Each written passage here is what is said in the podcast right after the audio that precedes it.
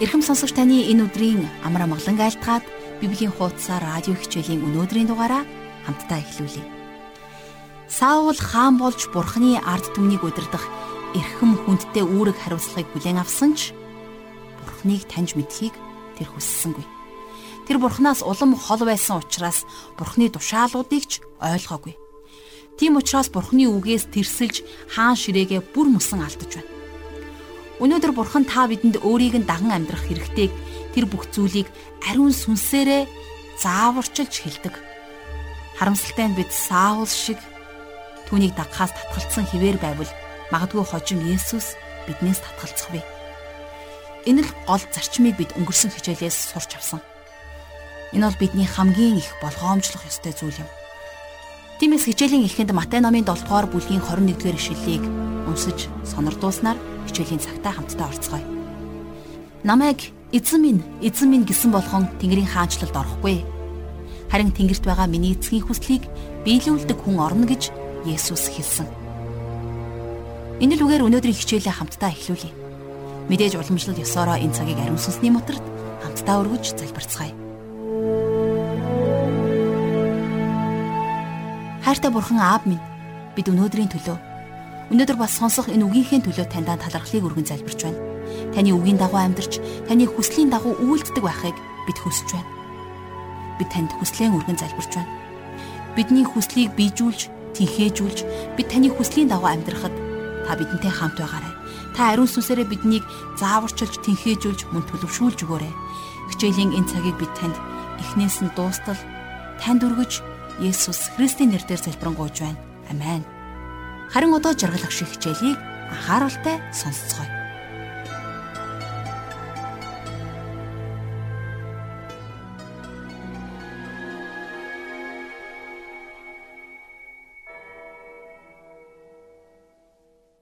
За 1-р Самуилийг судалж байгаа бидний хичээл үргэлжилж байна. Тэгэхээр Бурхан Саулийн хаан ширээг түүнээс булааж Давидыг оронд нь тавьдаг.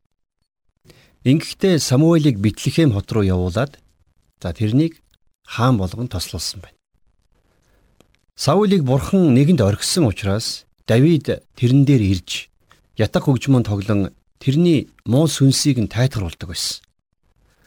Өнөөдрийн бидний үзэх 1-р Самуэль номын 16 дугаар бүлгээс бид нэгэн шин сэдвтэ танилцж эхлэх болно. За тэгэхээр бид нар Саулийн орыг залгамжилсан Давидтай энд анх уулзах болно. За Давид бол Саулаас огт өөр хүн байсан. Давид бол жинхэнэ бурхны хүн, харин Саул бол хэн блэ? Сатаны хүн байсан. За тэгэхээр 15 дугаар бүлэг дээр бурхан Саулийг хаан ширээнээс нь буулгасан тухай бид хамтдаа үзсэн.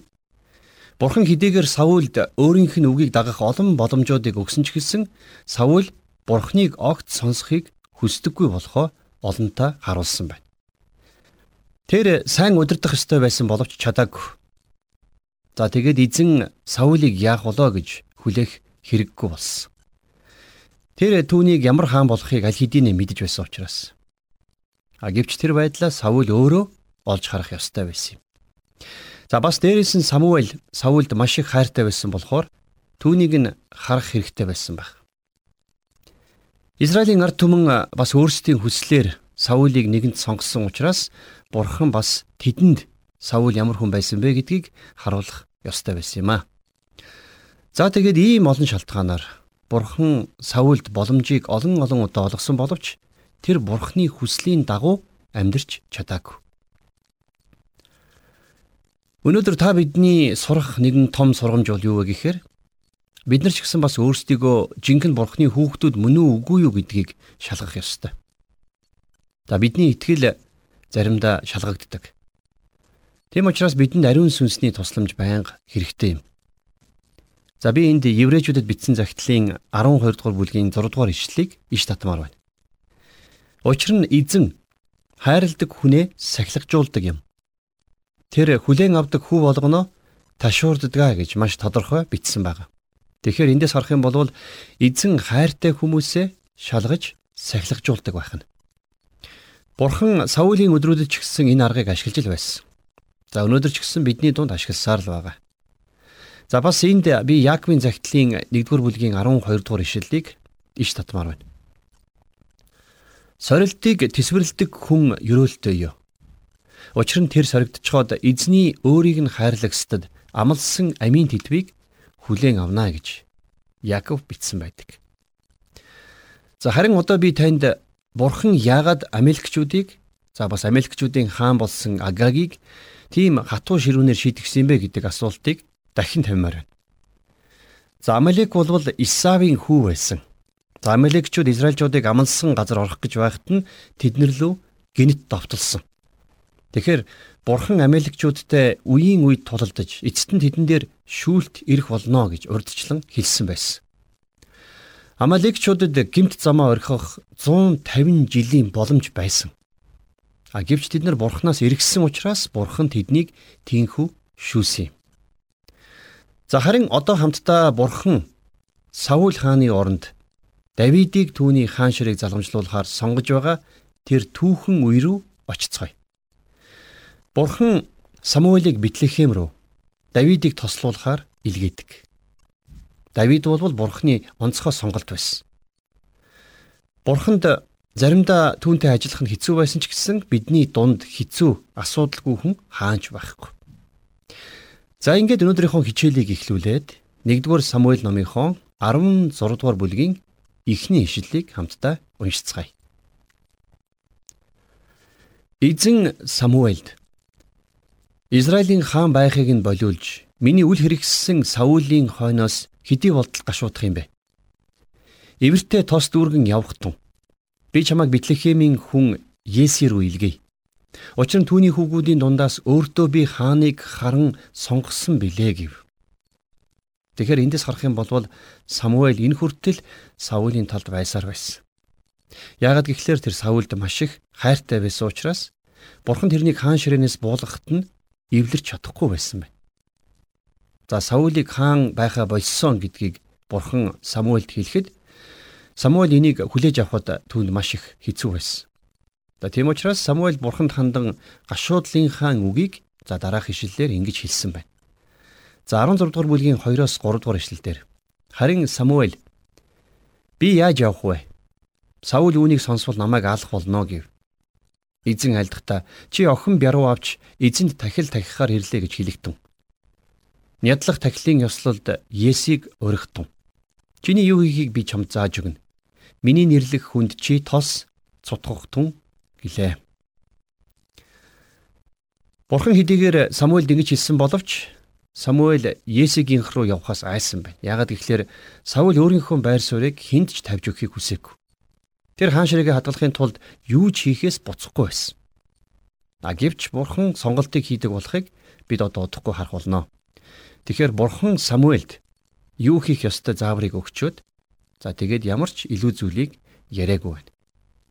Самуэль бүхнийг мэдэхгүй байгаа нь харин түүний талд за түүнийг хамгаалах шалтгаан болох юм.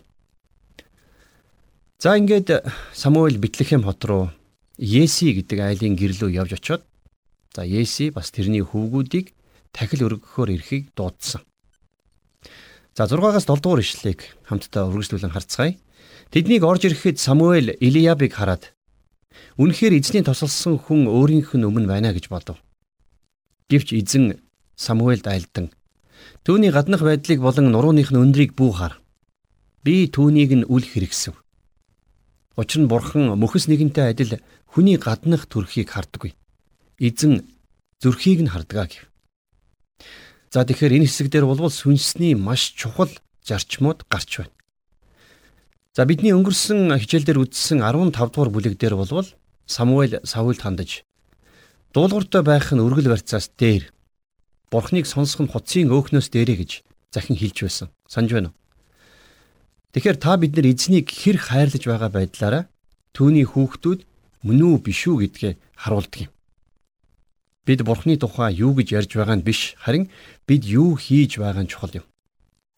Христэд итгэгч хүний амьдрал бол хин нэгэн болж харагдахтаа гол нь биш. Харин бодит байдлаараа харуулах юмаа гэдгийг Библи бидэнд маш тодорхой хэлдэг. Тэгээд ч бурхан та биднийг харахтаа доторхыг минь л хардаг. Өөрөөр хэлэх юм бол бурхан дотоод засалж тэр үргэлж дотор байгаа зүрхсэтгэлийг шалган харж байдаг. Харин Самуэль өмнө нь зогсож байгаа нэгэн сайхан залууг хараад за энэ бол өнөөх бурхны сонгосон дараачийн хаан мөн байна шүү гэж бодсон. А яг тэр үед бурхан Самуэльд чи тэрний гаднах байдлыг битгий хар. Хүнийг гаднах байдлаар нь битгий дүгнэ. Энэ удаад би өөрөө сонголтыг хийя гэж хэлсэн байна. За тэгвэл бурхан ингэж хүний зүрх сэтгэлийг хардагт нь бид үнэхээр талархах хэрэгтэй. Яагаад үг гэвэл бид нар ихэнхдээ хүмүүсийг өмссөн зүйлсэн эдэлж хэрглэж байгаа За гэр орон машин тэргээр нь дүгнэж шүүх гээд байдаг. А гэтэл бурхан хизээж хэнийгч ийм байдлаар дүгнэдгүй юм. За тийм учраас Еси Самуэлийн өмнө хөвгүүдээ нэг нэгээр нь авчирна. Тэгээд Самуэль яах гэж ирснээ Есид мэдэгдэж Еси долгон хөвгүүнээ Самуэлийн өмнө авчирсан байна. За 16 дугаар бүлгийн 10-аас 11 дугаар ишлэл. Ийхүү Еси Долоон хөвгүүнээ Самуэлийн урдуур явуулсан боловч Самуэль Есид эзэн эднийг сонгоогүй гэж хэлв. Самуэль Есид хөвгүүд чинь бүгдээр энд байна уу гэхэд Еси отхон хөвгүү минь үлдсэн. Тэр хонио хариулж байгаа л да гэв. Тэгэхэд Самуэль Есид хүн илгээж тэр хөвгүүнийг авчрах тун тэр хөвгүүнийг энд иртэл бид суухгүй гэж хэллээ гэсэн байна. За тэр үед Давид Тэгэхээр Давидын эцэг хүртэл тэрнийг сонгохооргүй тийм балчир баг байсан.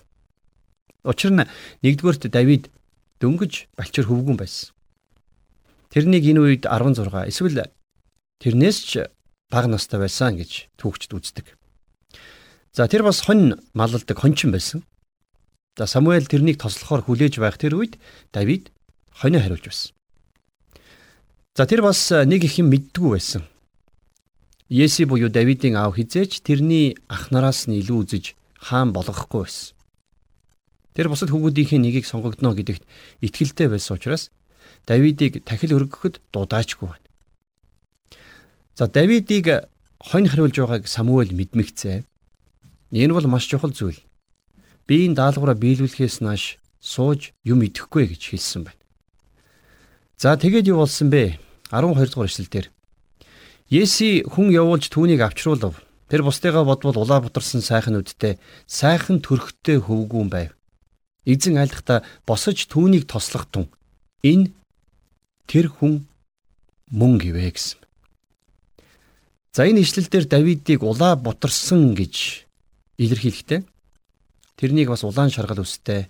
За яг тэр улаан шаргал өнгө шигэ төргөн ааштай хөвгүүн байсан гэдэг утга санааг агуулж байна. А гэхдээ тэр бас сайхан төрхтэй хөвгүн байсан. За эндээс бурхан сайхан зүйлсийг голдгийн бишээ гэдгийг бас харах боломжтой. Бурхан өөрөө гоо сайхныг бүтээсэн учраас гоо сайхныг ч бас ашиглаж чаддаг. За энэ дэлхийд олон байгалийн сайхан байдаг. Тэгээд ч тэдгээрийг хинч анзааралгүй өнгөрдгөө шүү дээ. За тухайлх юм бол нар жаргах үзэгдэл бол үргэлж үзэгсэлэнтэй байдгийг хүн болгон мэднэ. Бурхан энэ бүгдийг бүтээсэн. Тэгэхээр бурхан тэр бүхнийг гоо сайхантай бүтээсэн байна. За Давидын тухайд гэх юм бол Давид сайхан төрхтэйгөөс гадна үнэхээр сайн хүү байсан. А гэвч бурхан тэрнийг сайхан учраас сонгоогүй гэдгийг бид санах хэрэгтэй. Бурхан тэрний зөв сайн зүрхсэтгэлийг мэдэж байсан. Тэр бол үнэхээр бурханы сонгосон хүн байсан. Учир нь яагаад вэ гэхээр бурхан тэрний талаар та бидний мэдхгүй тэр гүн үнцгий зүйлсүүдийг мэднэ. Давид хэдийгээр амьдралдаа алдаа гаргаж байсан ч гэсэн тэрний зүрх сэтгэлд хизээч унтрашгүй бурханд найдах найдлага, бурханд итгэх итгэл байсан. Давид бурханд хайртайгаас гадна бурханд чин сэтгэлээсээ итгэж найддаг байсныг бид түүний амьдралын намтраас харах боломжтой. Давид үргэлж бурхантай хамт алхахыг хүсэж байсан. Бурхан тэрнийг шийтгэж байсан боловч тэр хизээч бурханд гомдлоо. Тэр үнэхээр бурхантай ойртон нөхөрлөхийг хүсдэг хүн байлаа. Тэр ийм бурхны зөргсгөлтэй хүн болохоор бурхан түүнд хайртай байж. За ингээд Самуэль Давидыг тосолсон байна. За 13 дугаар ишлэл дээр. Тэгэхэд Самуэль тос дүүргсэн еврейн авч ах нарынхын дунд түүнийг тослов. Тэр өдрөөс эхлэн эзний сүнс Давидын дээр буув.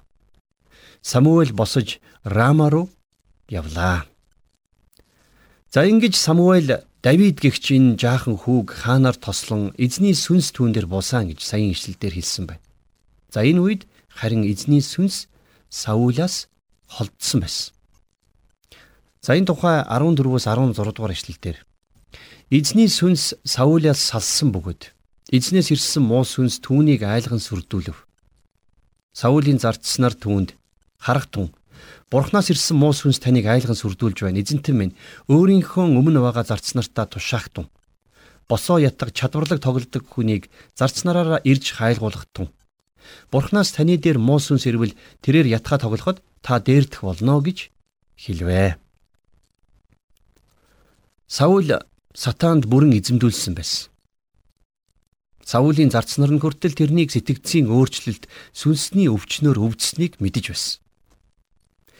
Хөгжим зэрлэг амьтдыг хүртэл номхруулдгаа гэсэн яриа байдаг. Тиймээс Саулийн зарцнаар шилдэг хөгжимчнийг олох тэмцээн зарласан байна. За тэгээд тэр хөгжимч нь харин Давид байсан. За цааш нь 17-оос 23 дугаар ишлүүдийг хамтдаа тогтон уншицгаая. Саул зарц нартаа сайн чадварлаг тоглодог хүнийг олж над руу авчрах туун хэмэв. Тэгтэл залуу ирчүүдийн нэг нь Харахтун би Битлехемийн Есийн хөвгүүнийг харсан. Тэрээр чадварлаг хөгжимчин, эрэлхэг хүчит дайчин, үгэнд цэцэн сайхан ирвэлээ. Эзэн түүнтэй хамт байдгаа гэж хариулв. Саул Есид элч нарыг илгээж чи өөрийн хөвгүүн хончин Давидыг над руу илгээхтүн гэж хэлүүлв. Еси нэг илжиг авч түүнд талах нэг тулам усан үзмийн дарс нэг ишгийг ачаад өөрийнхөө Давида Саул руу илгээв. Давид Саул дээр ирж түүнд үйлчлэлээ. Саул түүнийг ихэд хайрлан тэр Саулийн зэвсэг үүрэгч болов. Саул Есид хүн илгээж Давид миний албанд зогсог. Учир нь тэр миний нүдэнд тааллыг олвоо гэж хэлүүлв. Бурханаас сүнс Саулд ирэх болгонд Давид ятаг авч өөрийн гараар тоглоход Саулд хүч тэнхээ эргэн ирж муу сүнс түүнээс салан явж бие нь сайжирдаг байлаа гэсэн байна. За бид 1-р Самуэль номын 16 дугаар бүлгийн 17-оос 23 дугаар ишлэлүүдийг сая уншлаа. Тэгэхээр Давид олон талаар маш их юр болсон хүн байсан. Бурхан хин нэгнийг өөрийнхөө үйлчлэлд сонгохдоо доторх хүнийг нь харж байж сонгодог. Тэгэхээр Саулийг бурхан орхиж харин Давидыг ятах хөгжим тоглуулахаар хааны ордонд авчирсан байна. Израильчууд хэдий мдээгүй ч гэсэн тэд Давид химэх шин хаантай болсон байсан. За тэгээд яг энэ үйл явдлаар бидний өнөөдрийн судалж байгаа 16 дугаар бүлэг төгсөж байна. За харин одоо 17 дугаар бүлэг болвол Библийн хамгийн алдартай хэсгүүдийн нэг байгаа юм. За энэ бол Давид Голиатын түүх. Та энэ тухайд уулсан баг тийм ээ.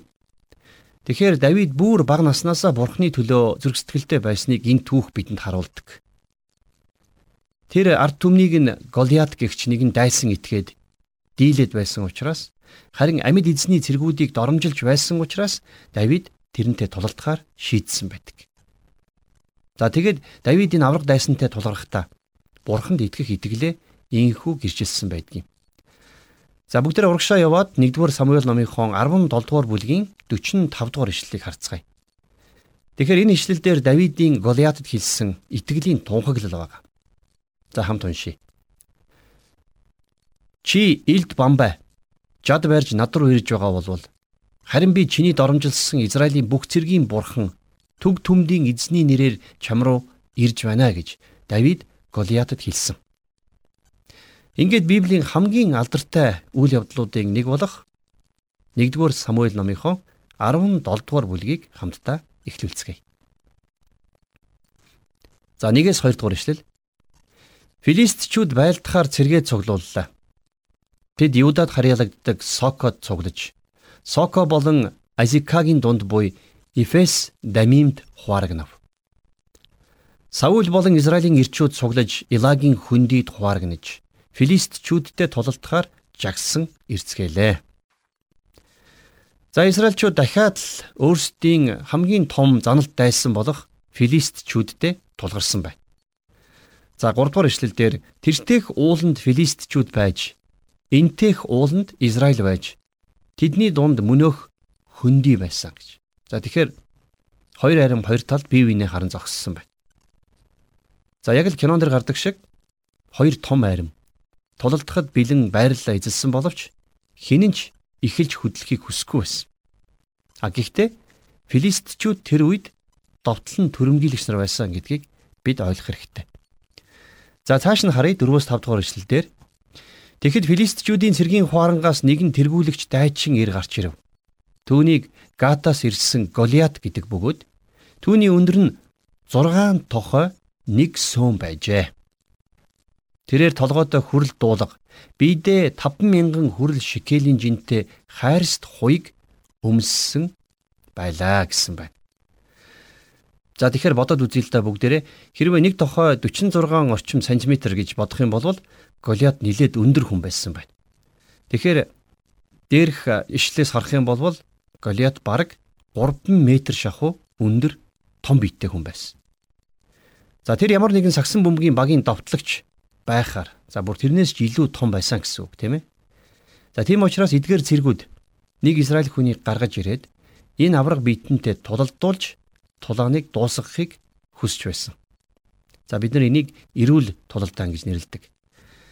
За 7-оос 8 дугаар ишлэл дээр Түүний жадны ишин нэхэмлчний гогдогч мод мэт. Жадны үзүүр нь 600 төмөр шикелийн жинтэй. Түүний бамбай өөрөгч бас өмнө нь явж байв. Голиат зогсож Израилийн цэргүүдийн жагсаал руу хашгиран дуудаж Та нар юунд тулдахаар жагсан гарч ирв? Би Филист хүн. Харин та нар Саулийн боолууд биш үү? Өөрсдөөсөө нэг хүнийг сонгож над руу явуулах тоон гэж хэлсэн байна. За яг ийм янзаар Голиат өдөр болгон Израильчуудаас өөртөө тулалдах хүнийг явуулахыг дуудаж байсан. Ингээд 40 өдөр өнгөрсөн ч гэсэн Израилийн армиас нэг ч хүн түүнтэй эрүүл тулалдаанд тулдахаар гарч ирээгүй. За Давид армийн цэрэг байсан ах нартаа хоол хүргэж явахдаа л тэр тулааны талбар дээр ирсэн байдаг.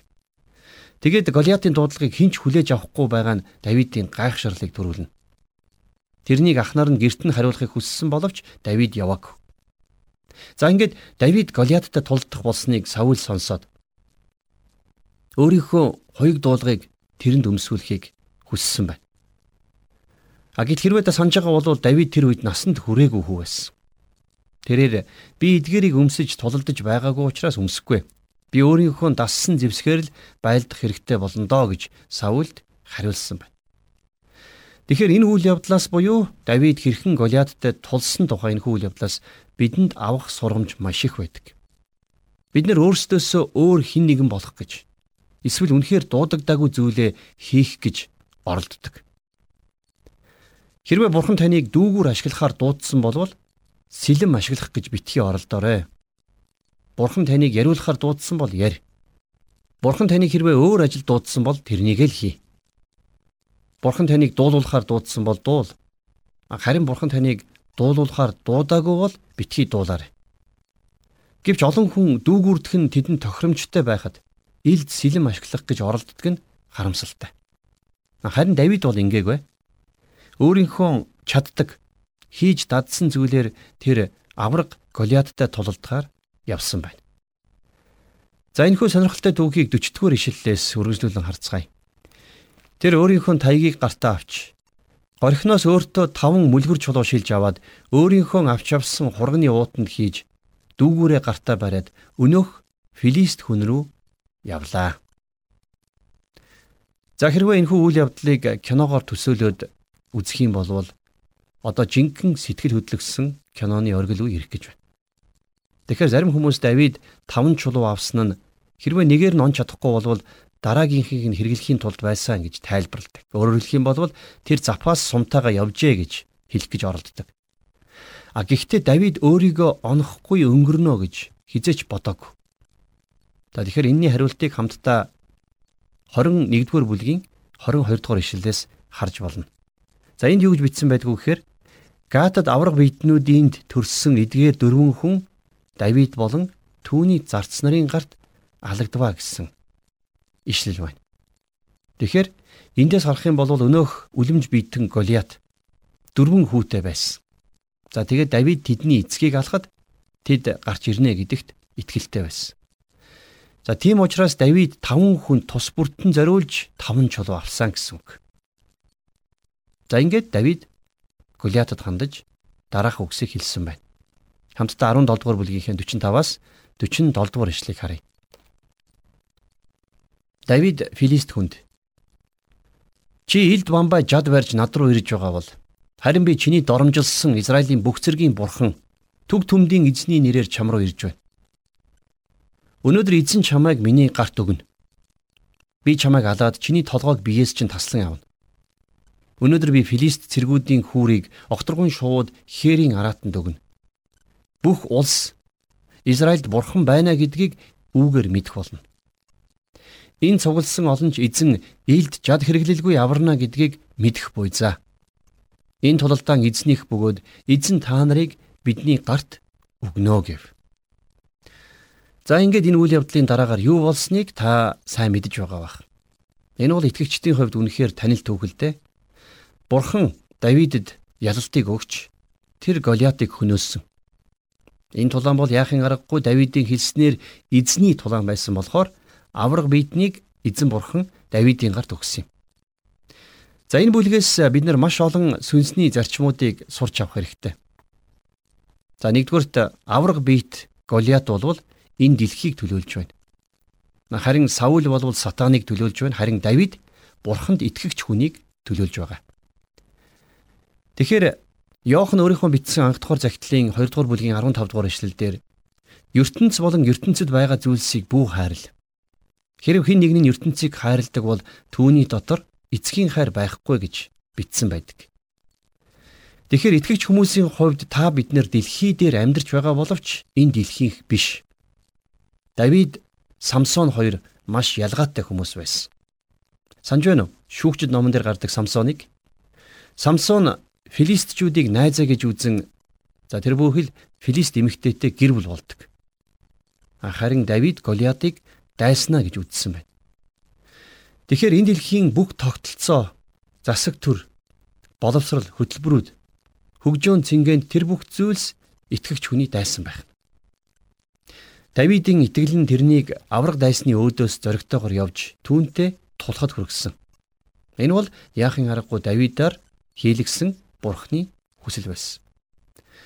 Тийм учраас Йохан цааш нь үргэлжлүүлэн бичгтээ бурхнаар төрсөн бүхэн ертөнцийг ялдаг юм. ертөнцийг дийлсэн ялалт нь бидний итгэл болоо гэж өөрийнхөө нэгдүгээр загталтаа үргэлжлүүлэн бичсэн байна.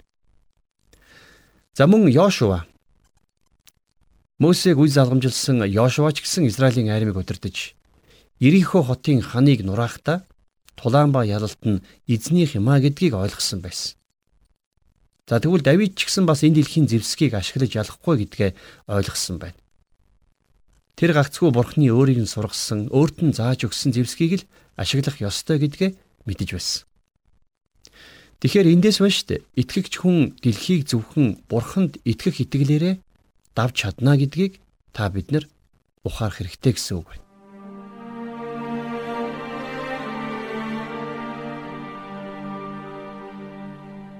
Тэгэхээр Давид бурханд итгэх итгэлээрээ дамжуулан өөрөөсөө хэд дахин том биетэй Голиатыг алсан тухай түүхийг бид өнөөдөр үзлээ шүү дээ.